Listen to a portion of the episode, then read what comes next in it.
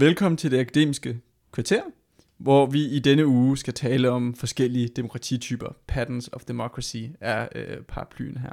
Og jeg har glædet mig rigtig meget til den her gang, fordi endelig skal jeg i gang med at øh, undervise, og det har jeg glædet mig til hele semesteret. Og øh, hvad hedder det, jeg sidder med Lasse, og vi skal jo begge to i gang her. Og hvad laver du for tiden, øh, Lasse? Jeg sidder og skriver bachelor, og ja, først og fremmest vil jeg bare sige øh, mange tak for, at jeg endelig fik lov at være med her på podcasten. Det har jeg glædet mig til, ligesom jeg også har glædet mig til endelig at få lov at undervise.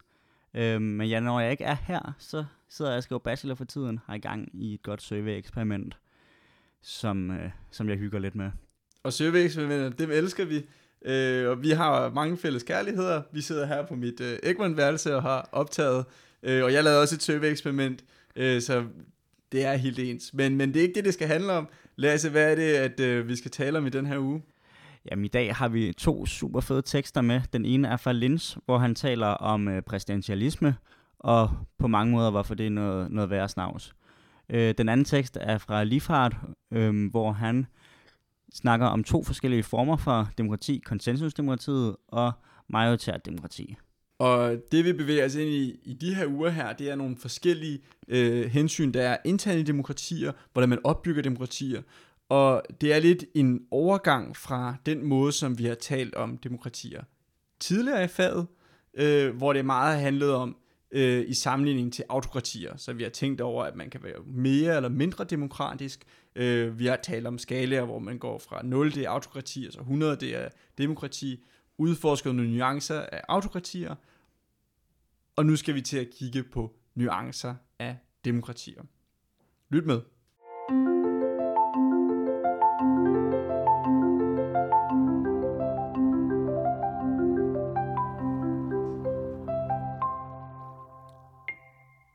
Det første argument, vi vil forsøge at dissekere, er Juan Linces The Perils of Presidentialism, som han skrev i 1990, hvor han argumenterer for, at præsidentielle systemer er mere skrøbelige end parlamentariske systemer. Og det var noget, man kunne se i løbet af det 20. århundrede. De løb hele tiden ind i problemer. Mange af de her nye demokratier, der havde præsidentielle systemer.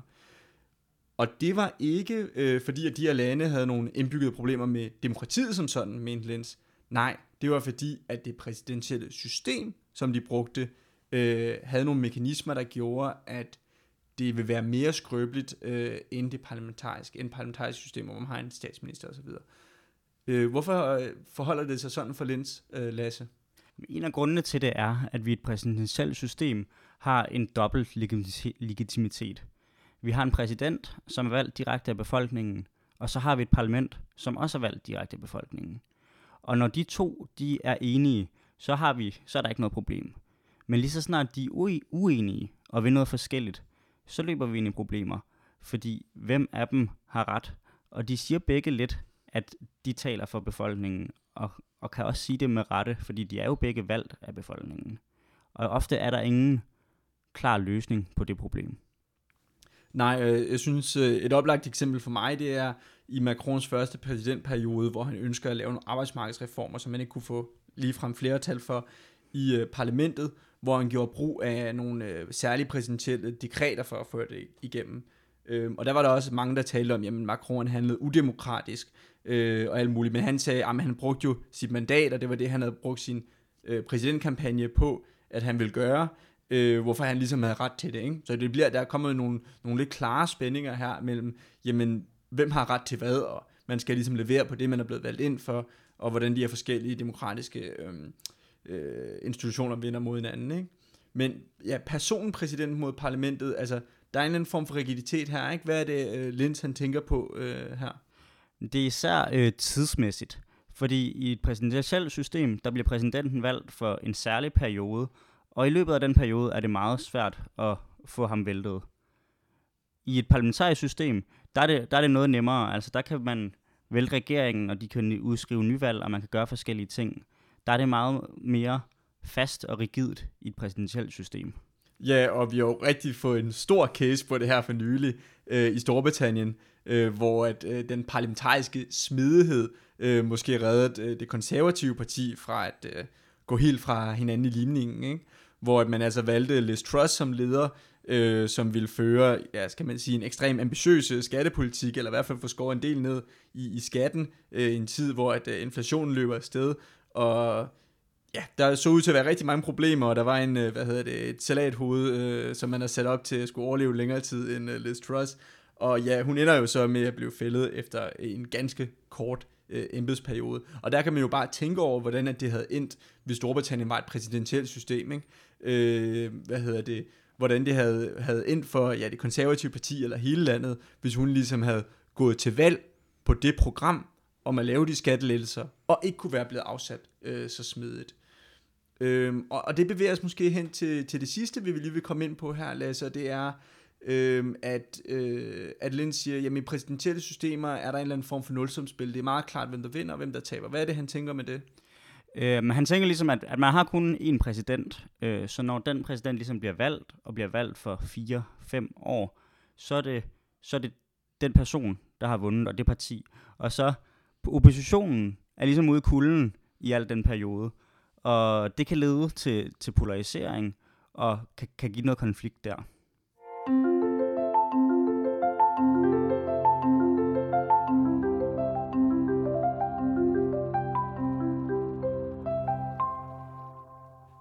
Da vi gennemgik øh, Linds sidste år, jamen, så, var der, så var der alligevel nogle kommentarer om, ja okay, det der med, at han siger, at det 20. århundrede præsidentielle systemer ikke holder så godt, det kan godt være, at han, han så det sådan, men, øh, men hvis man tænker sig lidt om, så, så holder den sammenhæng måske ikke helt. Hvor, hvorfor holder den sammenhæng ikke helt, Lasse?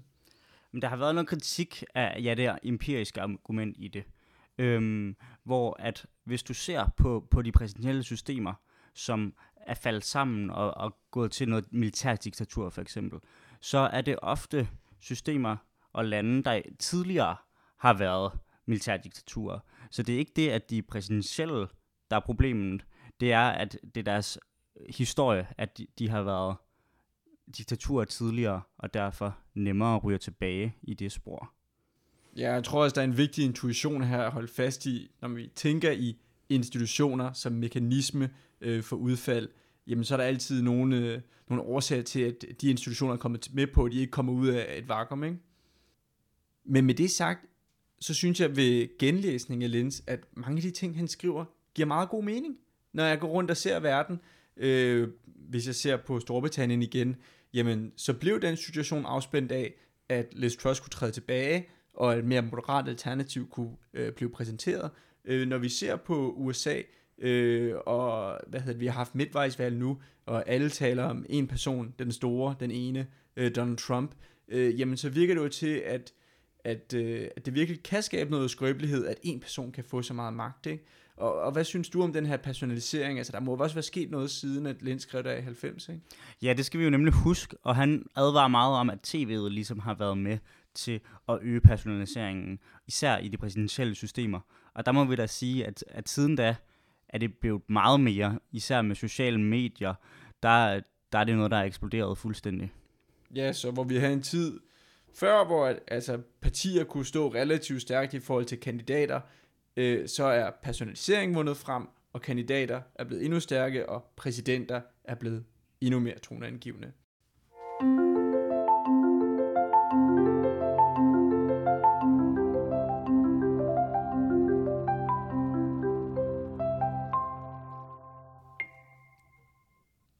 Næste argument, vi vil se på, det er Arne Dangremont Lifart, som har skrevet Patterns of Democracy, og vi har grundigt researchet hans fulde navn, øh, som, som er ret vildt, øh, og vi håber, at vi udtaler det korrekt. Øh, men men øh, Arne Dangremont Lifart, han er inde på, at der findes forskellige hensyn, der findes forskellige idealtyper af demokratier, øh, som vi helt til at starte med ikke kan kaldes mere eller hverken øh, mere eller mindre øh, demokratiske, øh, men, men er en afvejning mellem forskellige demokratiske hensyn, der findes. Og hvad er det ligesom ordnet de her to idealtyper er, Lasse? Overordnet set, så har han to idealtyper. Han har det majoritære demokrati og konsensusdemokratiet. I majoritærdemokratiet, der er det ligesom en, øh, et syn på demokrati, hvor at demokrati er styre af flertal, flertalsstyre. Hvorimod at det i konsensusdemokratiet mere er et syn på demokrati, som at så mange som muligt skal have noget at sige.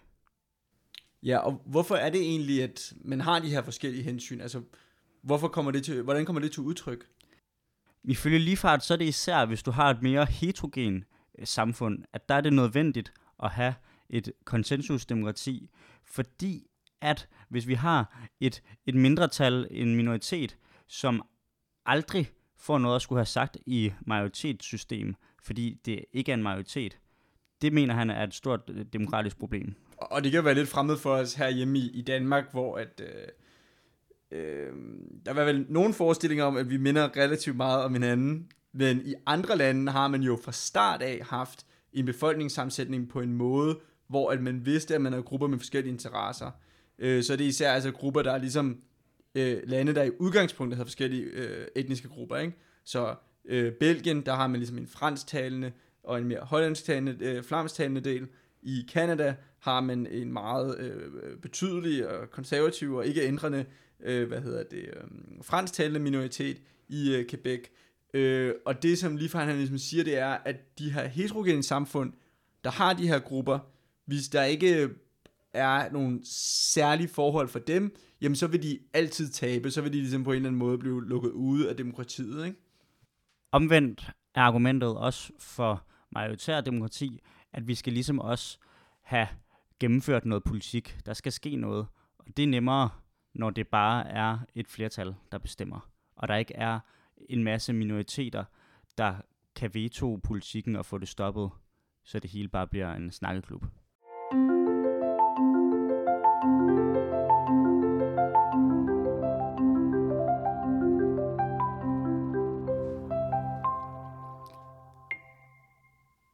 Længere hen i sin bog, så nøjes Liefhardt ikke bare med at lave en sammenligning af de her to typer demokrati-idealer.